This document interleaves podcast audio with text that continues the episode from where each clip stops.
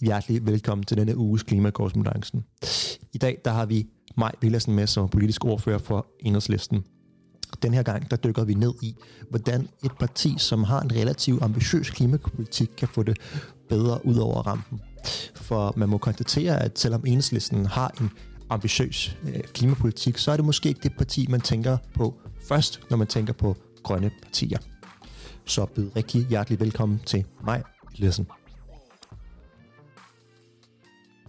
Hjertelig velkommen endnu en gang til Klimakorrespondancen i dag med, øh, med mig, Villersen, politisk ordfører for Enhedslisten nu. Det er jo sådan, at da vi lavede den aftale, så var du faktisk ikke øh, politisk øh, ordfører, men stadig klimaordfører. Ja. Hvilket er grunden til, at vi lavede aftalen første omgang. Men jeg tænker ikke, det gør noget. At, øh, I er jo stadig røde-grønne, er I ikke? Det er vi, og jeg har ikke glemt, hvad jeg har ment som klimaordfører. Det mener jeg stadig. Det, det lyder godt. Øhm, til at starte med vil jeg sige, det er jo måske ikke nogen hemmelighed til, til folk, der sidder og lytter med, at øh, enhedslistens klimapolitik og den klimapolitik, vi gerne så indført i den, i den grønne støttebevægelse, måske er relativt ens. Ikke nødvendigvis sagt, at alle, der er med i DGSB, er enige med enhedslisten, men, men vi er jo meget enkeltsagsfokuseret, og, og øhm, nu sker det bare, at sådan, at øh, I er relativt progressiv på klimaområdet, og det, det er vi selvfølgelig glade for. Så, øhm, så og og de har ligesom også været nogen, der har måske har gået lidt forrest i det her med at hjælpe de grønne, den grønne bevægelse øh, og klimabevægelsen i gang i Danmark. For jeg kan for eksempel tydeligt huske, øh, da vi sad under valgkampen, øh, 10 dage, vi sad sådan noget, lavede 10 dage for klimaet nede foran Christiansborg, hvor Pernille Skipper øh, kom ned med is til os. Ja. og øh, det, det, det var det eneste parti eller politikere, der sådan gjorde op og sådan noget, og sådan, ah, fedt, at der var også nogle andre nede og lave nogle interviews, sådan, men der var ikke nogen, der kom ned med is.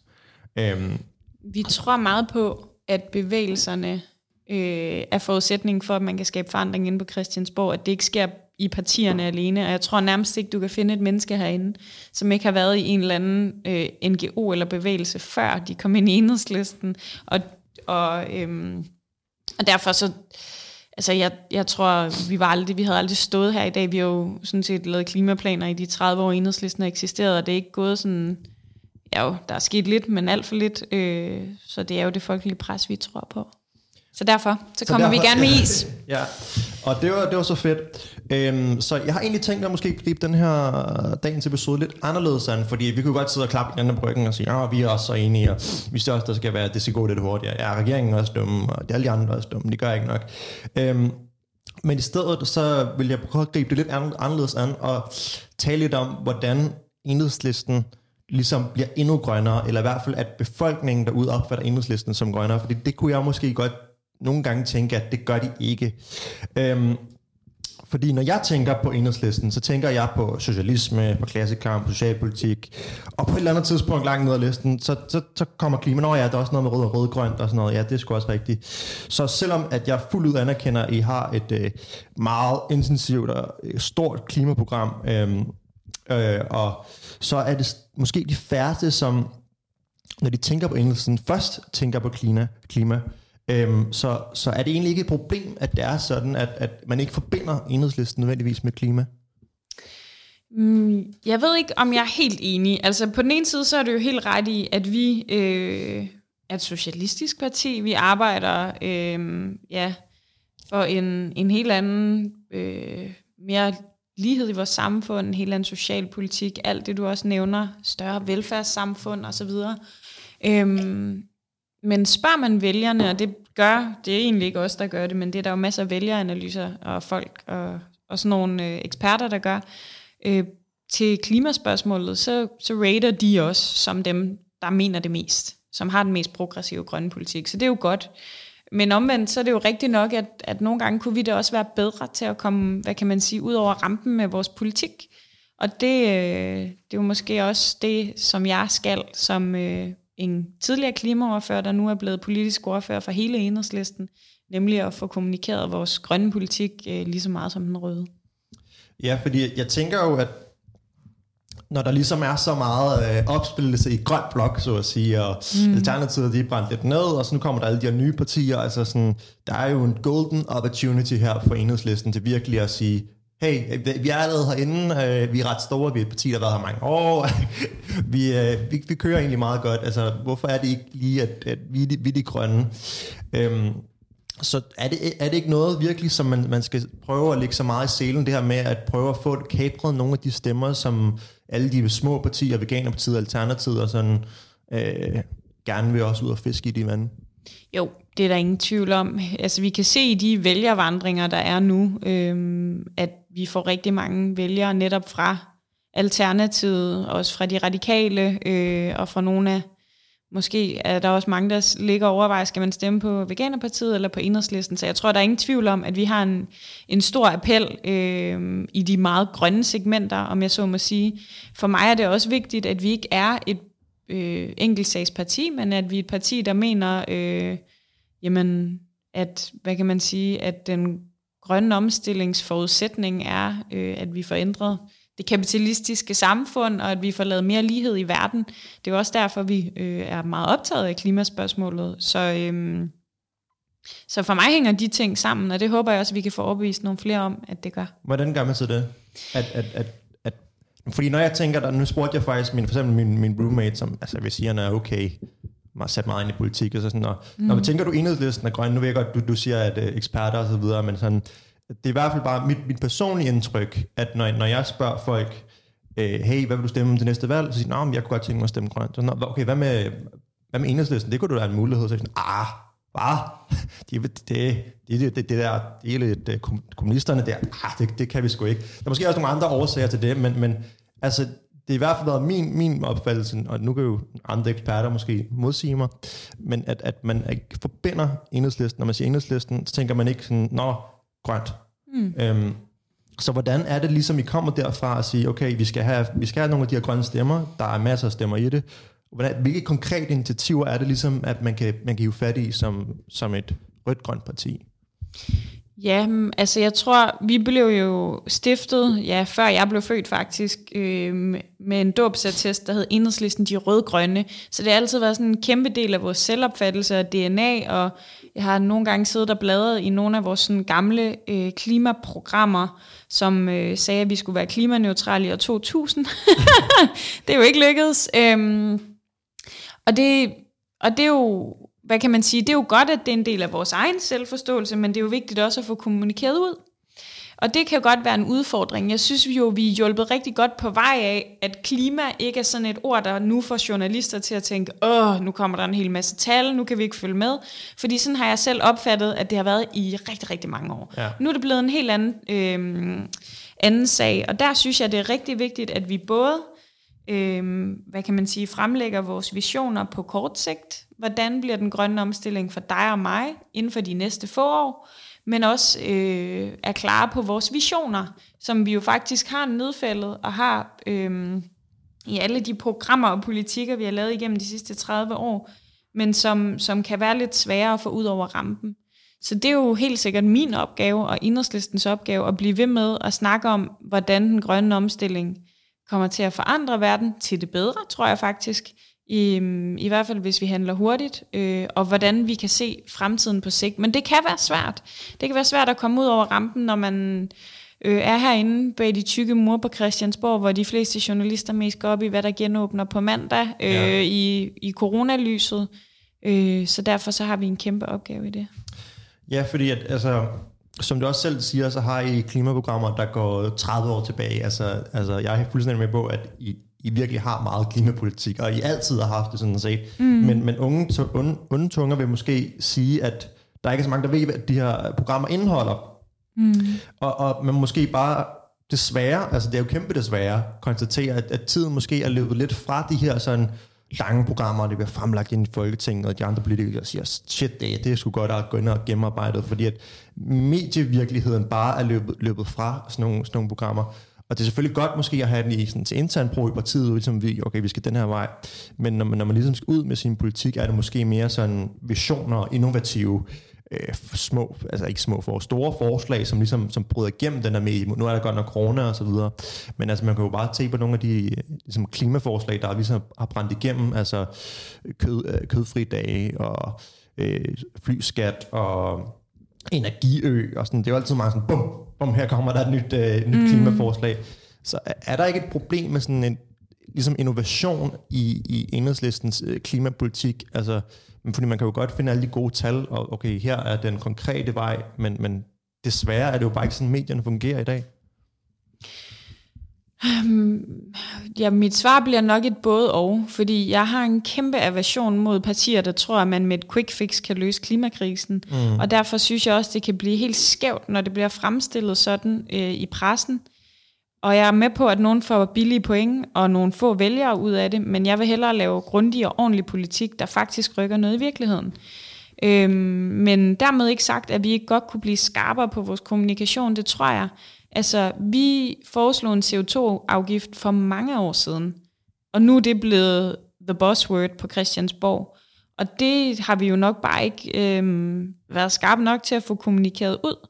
Ja. Øh, og sådan tror jeg, det er med rigtig mange, rigtig mange ting, øh, at vi nogle gange øh, måske har tænkt det og fundet på det og udviklet det, men, men ikke få det kommunikeret. Og derfor tror jeg også, det er godt, at altså ikke at jeg er verdensmester på SoMe og sociale medier og alt muligt, men, men jeg er trods alt i 20'erne ja. øh, og politisk ordfører, og kan ligesom nå nogle målgrupper på en anden måde. Mm. Men jeg tror samtidig også, at det er vigtigt, at vi får skabt en, hvad kan man sige, lige nu er der et kæmpe modpres for Socialdemokratiet, som prøver at tegne et billede op af, at det at lave grøn omstilling vil være skrækkeligt for helt almindelige mennesker også i Danmark. Og derfor tror jeg, det er rigtig vigtigt, at vi både får fortalt, at man godt kan lave en, en meget ambitiøs grøn omstilling, som ikke baserer sig på tech-fix, og, og at Dan Jørgensen sidder over i Klimaministeriet og krydser fingre, men at den faktisk baserer sig øh, på reel handling nu, som ikke behøver at øh, altså, blive betalt nødvendigvis af den enlige socioassistent i Kolding, og det er jo sådan, de får det fremstillet. Og det tænker jeg også er enhedslistens opgave, fordi vi også er et rødt-grønt parti, og punkterer Socialdemokratiets myte. Og det tror jeg ikke, man så meget gør øh, ved at fortælle om, hvad ved jeg, energiøer eller andet måske, øhm, men ved også at få lavet den fortælling. Og derfor tror jeg, det er ret vigtigt, at vi både får snakket om grøn omstilling og arbejdspladser samtidig. Ja, og hvordan har I så tænkt jer at gøre det? Jamen lige nu sidder vi, øh, nu håber jeg ikke, der er for mange andre, der lytter med fra andre partier, men vi sidder ligesom og kigger på at lave sådan en grøn jobplan lige nu, øhm, som peger på, hvordan man jo udfaser nogle brancher, og det skal vi, og det skal vi også være åbne omkring.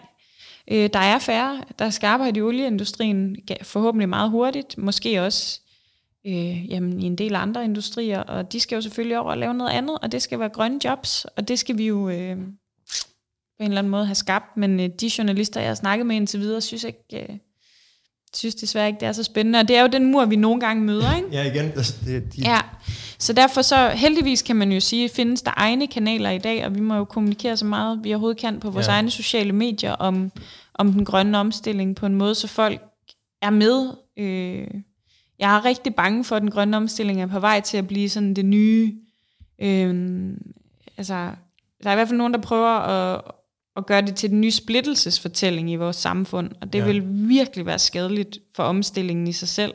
Så det, øhm, der håber jeg, at vi kan, samtidig med at vi siger, at det selvfølgelig kommer til at koste, og kommer til at blive en kæmpe forandring for os ja. alle sammen, men at det er altså dem, der udleder mest, og dem, der har flest penge i vores samfund, der må betale den største del af regningen. Og, men der tænker jeg bare på det her med, at, at, at ja, det, det er jo meget sådan en nobel tanke, det her med, at det er de rigeste, der skal betale mest og sådan, men det er jo ikke, altså det er jo nok der er mange, der vil være enige om, også måske Socialdemokratiet. Men, måske. Men det, måske. Måske. De har jo ikke rigtig gjort noget nej, nu. Nej, det kan man sige. Øhm, men det er jo igen, at det ikke den fortælling, som du også selv siger, den fortælling, som ligesom bliver fremført af, af Dan Jørgensen. Det er jo det her med, at hvis vi indfører en CO2-afgift, så vil det gå ud over uh, Grete for Kolding. Ikke? Altså, mm. hun vil ikke kunne få uh, sin bøf mm. til aftensmaden og oh, hvor er det synd for hende. Øhm, så, så hvordan yderligere, nu siger I, at I vil lave den her jobbank, som journalisterne så ikke, vil dække. Mm, må ikke det kommer. Må ikke det kommer. Men altså, hvilke andre altså, initiativer, hvordan får man fortalt den her grundlæggende fortælling om, at den grønne omstilling godt kan ske i et velfærdssamfund? Mm. Jamen, jeg tror faktisk netop, den kan ske i et velfærdssamfund, og det er ligesom det, vi skal have formidlet. Fordi når vi laver en CO2-afgift, så, øhm, så mener jeg jo, at noget af det overskud, der kommer ind, de penge, der kommer ind, de skal gå til de virksomheder, der faktisk leverer grøn omstilling, så det både er pisk og gullerod, så de får en dobbelt bonus, kan man sige, og nogle af pengene skal gå til Grete fra Kolding, eller hvem fanden ved jeg, Ja. som ikke har særlig mange penge. Så på den måde kan man jo både lave grøn omstilling og omfordeling på én gang, og så er det mig, der skal betale noget mere, hvis jeg insisterer på at spise en bøf til aftensmad. Øhm, og, og hun skal ikke på samme måde. Omvendt, så tror jeg også, at vi har behov for en CO2-afgift på vores landbrug, sådan så det, der faktisk udleder, det kommer til at koste noget mere. Vi har jo øh, et landbrug, hvor priserne er holdt kunstigt lavt nede på grund af blandt andet EU's meget klimaskadelige landbrugsstøtte, øh, og, øh, jamen, og mange andre øh, økonomiske incitamenter herhjemme, og det er, jo, det er jo meget skævt. Så derfor så skal vi have lavet det plantebaserede billigere, og øh, ja, det, der udleder mest dyr. Ja, så enhedslisten er jo det her meget sådan, ja, nogen vil sige revolutionerende, øh, revolutionerende parti, men altså en god forstand det her med, at man gerne vil lave samfundet op Ja. om på en helt ny måde, på en strukturel måde. Det er også noget, det vi siger i den grønne studenterbevægelse, det her med, at det er strukturelle forandringer, vi skal, vi skal have. Ikke? Vi skal gå væk fra det der Leonardo DiCaprio med, at vi skal slukke, øh, slukke lyset og skrue ned for vandet. Ikke? Altså, øh, væk fra det individuelle og over til det strukturelle. Ikke? Præcis. Og, og det er jo også noget, som, som enhedslisten i mange år har fremført, så at sige. Mm. Øhm, men mit spørgsmål er bare, altså, tror du, det er realistisk? Tror du, altså hvis du selv skulle sådan se helt nøgternt på det, tror du, at de fleste mennesker derude er villige til strukturelle forandringer? Ja, det tror jeg. Øh, det synes jeg, man kan se her under corona. Hvis folk forstår, hvor stor en trussel, der venter lige uden for døren, så tror jeg sådan set, de er klar til at gå rigtig meget på kompromis øh, og, og bidrage selv til at være en del af løsningen. Omvendt, så bliver vi jo også bare nødt til at se på et globalt plan, så er vi nogle af de største CO2-udledere per person. Øhm, og det betyder jo også, at vores verden skal forandres relativt meget. Men omvendt, så kan man også sige, altså, jeg ved ikke om, om det er et drømmeeksempel, men, men altså, det er jo også fordi, at væksten har fået øh, forbruget til at eksplodere fuldstændigt. Og jeg tror sådan set ikke, altså det, det betyder måske individuel lykke for mange på kort sigt, men det er jo ikke det, der betyder noget for, for glæden i det hele taget. Så derfor håber jeg på en eller anden måde, at, at vores forbrugssamfund også kan forandres, og at øh, vi kan få nogle andre goder til gengæld. Arbejde mindre eksempelvis. Øh, det synes jeg også er en stor del af den grønne omstilling. Øh, have tid til hinanden på en anden måde. Værdisætte noget andet. Øh, men altså, det er da klart, det kommer til at blive sindssygt svært, og der, der kræver det også, at vi får skabt en, hvad kan man sige, en forandring i indstillingen hos folk, så man forstår, et, hvor alvorligt det er, og at vi alle sammen skal være med til at ændre os. Ja, for du siger jo netop det her, at for, før at vi ligesom kan lave den her store strukturelle omstilling, så er- kræver det, at folk forstår. Mm. det er jo ligesom måske der hele problemet ligger, Ja. at folk ikke forstår, fordi klimaforandringer, det her, der sker langsomt. Vi kan sige, at der kommer en million klimaflygtninge øh, om, om 20 år, men okay, så kigger folk ud af vinduet og siger, hmm, står det her nu? Nej. Okay, Præcis. så, så, så, så, kan vi, så er det fint nok.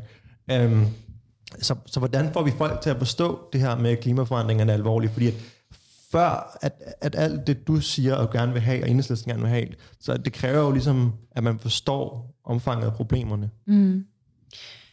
Ja, og der, øhm, der kan man sige, på den ene side er jeg jo lidt håbefuld, og mit håb ligger jo blandt andet hos den grønne studenterbevægelse, hos Fridays for. Future, ja, og hos mange andre øh, i en generation, som jeg mener har taget sådan et helt vanvittigt ansvar i forhold til, hvor meget de ældste og voksne har svigtet. Øhm, Ja, Så- og hos dig selv, men du er jo næsten i den, vores generation. også, Ja, altså i al den tid, jeg har levet, jeg er født i 1991, i al den tid, jeg har levet, har man kendt til klimaforandringerne, vidst de var menneskeskabte, og også mere eller mindre, hvad man skulle gøre for at bremse det. Har man gjort noget? Nej. Lige siden dengang er de bare steget og steget og steget. Øhm, fordi vi har en verden, der er indrettet fuldstændig øh, for, forkert, og ikke på klodens præmisser, men på nogle få menneskers indtjeningspræmisser. Og det er jo det, der er så skrækkeligt, og derfor jeg er i politik i øvrigt. Øh, og det er godt nok samtidig svært at kommunikere og få folk til at forstå, og det er jo også det, jeg tror, I i den grønne studenterbevægelse bøvler med en gang imellem. Jeg synes dog, der er kommet en helt anden indstilling. Og jeg tror sådan set faktisk, at der er mere villighed i befolkningen til at gøre noget, end der er på Christiansborg lige nu. Så jeg er ret håbefuld. Øhm, og, og jeg tror, det skyldes, at klimaforandringerne er kommet tættere på altså den sommer for nogle år siden, hvor der bare var tørke i landbruget. Ja, den var vild, ja. Det tror jeg fik folk til at vågne mm. op. Øhm, og så, jamen jeg kan da huske, uden at skulle afsløre for meget selv, hvordan øh, et, et medlem af Folketinget for Venstre sagde til mig, at nu var hans søn eller datter, jeg kan ikke huske det, en, holdt op med at ville drikke mælk i protest mod Venstres klimapolitik. Og det fik mig bare til at tænke, shit, hvor kan det rykke meget? Hvor kan det rykke meget, når den unge generation presser på? Det har vi jo også set altså, i generationerne før vores, ikke? 68 oprør og alt muligt, hvor man får forandret en hel kultur. Det håber jeg, vi kan, det håber jeg, vi kan være med til. Men altså, jeg må også, for at være helt ærlig, indrømme, at rigtig mange dage om ugen er jeg mega pessimistisk på klimasagens vegne. Jeg er virkelig øhm, klimadeprimeret langt hen ad vejen. Ja, nu siger du, hvordan får det til at føle? Altså, hvad, hvad, hvad, hvordan har du det, når, når du er pessimistisk og deprimeret omkring klimaet? Jeg synes, øhm, jeg synes sat med det, undskyld, jeg banner, jeg synes virkelig, det er en kamp op ad bakke, øh, som jeg og I og alle, der gerne vil øh, lave grøn omstilling, kæmper. Øhm, fordi vi slår ind i en dyne af magtfulde interesser, som gerne vil blive ved med at opretholde det samfund, vi har i dag, selvom de godt ved, at det er ved at smadre kloden for fremtiden. Øhm, og det, det synes jeg er tof, men det er også det, der får mig til at blive ved. Fordi jeg nægter fandme at give op, men jeg synes da, at man bliver bekymret. Øhm, og jeg, synes, jeg, bliver, jeg bliver da også nogle gange ked af det, når jeg er sammen med min søsters lille dreng, og tænker, hvad fanden er det for en verden, han kommer til at leve i? Mm. Det synes jeg virkelig ikke er fair. Ja. Øhm, jeg har det på samme måde med min nevø, ja. ja, som også er to år. Ja, ja. ja det er det. Okay, men hvornår, hvor, går jeg, hvor går jeg smertegrænsen så? Altså hvis, hvis jeg er så bekymret for klimaets vegne, så må der jo også være et andet tidspunkt, hvor man siger stop. Mm. Man siger stop til magthaverne. Vi sidder jo på nogle afgørende mandater. Det gør vi. Og det er klart, det overvejer vi hele tiden, hvornår det tidspunkt er. For mig er det afgørende, om det vil gavne sagen, eller ikke gavne sagen. Øhm, og det er, jo, det er jo så nøgternt, det er i vores vurdering, men det er klart, vi, vi har jo nogle øh, bedre erfaringer med en tidligere socialdemokratisk regering, hvor vi var parlamentarisk grundlag. Det var øh, Torning og Vestager, som var optaget af at føre borgerlig økonomisk politik og ja, øh, gjorde en hel masse ting. Øhm, blandt andet solgte Dong, hvilket jo også betød, at øh, hvad kan man sige, kontrollen over offentlig ejerskab, eller hvad kan man sige, et offentligt energiselskab, som jo også har meget med klimaet at gøre, fuldstændig forsvandt for borgerne. Øh, de gjorde rigtig mange skrækkelige ting, og ligegyldigt hvor meget vi stod og råbte deres skej, øh, så trak de bare på skuldrene. Og der blev vi enige med os selv som parti om, at, øh, hvad kan man sige, at vores mandater ikke bare bliver deponeret øh, i armene på en socialdemokratisk regering, men vi skal have noget for det. Og øh, det var derfor, at vi sagde, at vi ikke bare lader en regering træde til, som de gjorde dengang i det sorte tårn, men at vi vil have indflydelse på, hvad vi lægger mandaterne øh, til grund for, og derfor kom der et forståelsespapir. Og det er jo sådan set derfor, vi fik en 70% målsætning. Vi var jo de eneste inden valget af de partier, der lavede forståelsespapiret, der syntes det. Så fik vi overbevist SF og radikale, og til sidst presset regeringen. Men nu skal vi jo så have dem til at faktisk levere på det, ikke? og handle. Og der er det klart, hvis de hen ad vejen viser ikke at ville det, og at vi ikke kan presse dem til det, så, så kan jeg det hverken, jeg kan hverken bekræfte eller afvise, at der kunne komme et valg ud af det. Det er klart. Fordi det, det må de ikke svigte. Men, men det afgørende er jo så selvfølgelig, hvordan vi kan se tegningen efter så et nyt valg. Vil det betyde, at vi faktisk kan få presset den politik igennem? Og det er jo hele tiden de øh, brikker på øh, skakbrættet, vi sidder og kigger på. Ikke? Ja. Hvor, der, hvor men, står vi stærkt? Men altså, hvor, hvor, hvor går grænsen? Altså, det må man tænke, altså, de, de har jo gjort mange ting, at de, de vil ikke have en CO2-afgift, de gider ikke rigtig gøre med landbruget. Øhm, de lever ikke op til Klimarådets anbefalinger, altså sådan, listen er efterhånden relativt lang i forhold til klimasvigt, ikke? Øhm, og jeg kan selvfølgelig godt forstå det her med, hey, altså, hvis vi får et valg, altså, hvis det bare er Socialdemokratiet, der alligevel vinder, så, altså, så er det sgu ligegyldigt. Mm. Altså, regeringen skal leve op til klimaloven. Både fordi det står i forståelsespapiret, men jo mest af alt, fordi det er en lov. Øh, og det er ikke bare en lov, de har skrevet under på, det har et bredt flertal af Folketinget. Og, øhm, og gudske lov for, at vi fik lavet en klimalov, som, som jo også betyder, at der årligt er den her revision af Klimarådet, hvor vi så kan tvinge dem til forhandlingsbordet. Og det, øh, det har jeg i sinde at gøre øh, hele tiden. Og også bringe dem i mindretal, hvis højrefløjen er klar. Jeg synes jo, noget af det mest skuffende, jeg har oplevet på Christiansborg, det var, at vi havde et flertal for at tvinge dem til at lave en CO2-afgift. Ja. Og så gik SF og Radikale sammen med højrefløjen om at sige ja til deres udskydelse af det. Det er jeg virkelig, virkelig deprimeret over. Nu kan man så sige, nu, nu kommer der en ekspertberegning i slutningen af året på CO2-afgift, og der er, jo, der er jo snart ikke mere, vi behøver at vide, synes jeg, men, men, øhm, men det er jo selvfølgelig meget afgørende, at, at det kommer til at ske. Øhm, hvad hedder det? Og, og der er ingen tvivl om, at viser de på et tidspunkt fuldstændig klokkeklart, at de vidderligt har tænkt sig ikke at leve op til klimaloven, så har jeg svært ved at se, at, at det kan bære længere for os. Men, øhm, men, men selvfølgelig så, så handler det jo for mig at se også om, hvor mange mennesker vil der stå ude på rådhuspladsen og råbe klimavalg, mm. og kræve, at der faktisk sker noget, og, og gøre sådan så, at mandaterne bliver rykket derhen, øh, så langt hen, så vi faktisk får noget mere klimahandling ud af det, fordi det sidste, jeg ville kunne holde til, var, at det her betyder, at vi faktisk dropper klimaloven og gør endnu mindre. Det vil være så skrækkeligt.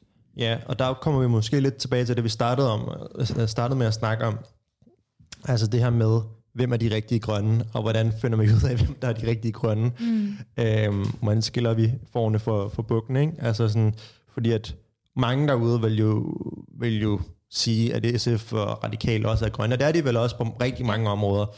Men altså, den her, altså, de har jo bare vist nogle ting, især, især med CO2-afgiften, også, også på Københavns Rådhus, med i forhold til Amagerfældet og sådan, at der, der var nogle gange, hvor det sådan virkelig, okay, nu, nu er det nu, vi skal presse dem, ikke? Så jeg siger, nej, fuck det. Nej, hvorfor, hvorfor, hvorfor gør jeg det? Øhm, og hvordan, hvordan får man ligesom kommunikeret det ud, eller sådan vist, vist folk derude, at sådan, hey, det, det er sgu ikke i orden, der er nogle partier det her, som, som siger, de er grønne, men ikke er det. Eller mm. ikke gør, nogen, altså gør de ting, når de skal gøre det. Øh, det er jo også et godt spørgsmål, og det er også noget, jeg spekulerer meget i, fordi jeg har da lyst til at tage ud på lærkesletten hver dag og tage en selfie og skrive, hvad laver I andre? Altså at hænge nogen ud. Men det er jo ikke det, der gør, at man samarbejder godt på Christiansborg. Nej. Så det er også derfor, at der holder vi sådan set også nogle gange lidt på formerne og lader være og øhm, at det kommer jo an på, hvad der gavner sagen, kan man sige. Altså i forhold til Lærkesletten og Fældet, så har vi i hvert fald ikke givet op, og vi kommer til at presse på øh, frem mod et kommunalvalg, og jeg ved, at det er også er det, der gør ondt på Radikale og SF. Mm. Og det mhm. gør det jo også herinde på Christiansborg. Øh, så derfor så er jeg ret sikker på, at... Øh, ja, fordi hvordan, at, hvordan skal man tro på, at de vil redde klimaet, når de ikke vil redde naturen? Mm, det er rigtigt, og det hænger jo øh, uløseligt sammen, og ja, altså, vi står jo midt i en mindst lige så alvorlig biodiversitetskrise, som jo bare jeg bliver negligeret fuldstændigt. Altså jeg har det sådan, vi har et rigtig godt samarbejde med, både med Radikale og SF. Jeg synes, de rykker øh, langt hen ad vejen. Jeg, jeg mener jo, at der skal så grundlæggende forandringer af vores samfund til, øh, også af vores økonomi, så ja. jeg ikke mener, at det vil være noget, radikale nogensinde kunne levere. Øhm, fordi de er jo et bundborgerligt parti i sin grundessens. Øhm, men, men på de her, altså hvad kan man sige, så det kan godt være, at endemålet er et helt forskelligt fra os, men på den korte bane, så vil vi det samme, og vi har jo fået dem med på en 70% målsætning, og, øh, og det er jeg rigtig glad for. Øhm, så derfor må vi jo samarbejde med dem, men jeg tror, at det bedste værn mod at de gør endnu værre ting, er jo, at vi står det rigtige sted i kampene og siger fra, når der er behov for det. Og det tror jeg gør, at det er jo derfor, vi lige nu, fordi vi sidder og forhandler om et delmål i 2025, og droppe regeringens hockeystav, og der står vi sammen med Radikale og SF lige nu, ja. og har lavet en alliance, og det tror jeg, det er, fordi det har gjort lidt ondt på dem, øh, at der er blevet råbt klimasvigt af dem ude, øh, ude foran, og det er jo det, bevægelserne også kan ikke være med til at presse på. Og der, det tror jeg, det er en meget god afslutning, ja. at bevægelserne gør med til pres på. Tusind tak, uh, Maj, for at være med uh, her i dag. Um, det var virkelig fedt, og uh, jeg held og lykke med, uh, med tak, det hele. Og, og med, måde. Med, ja. med, med kampen. Uh, vi, vi følger selvfølgelig med som altid. Tæt.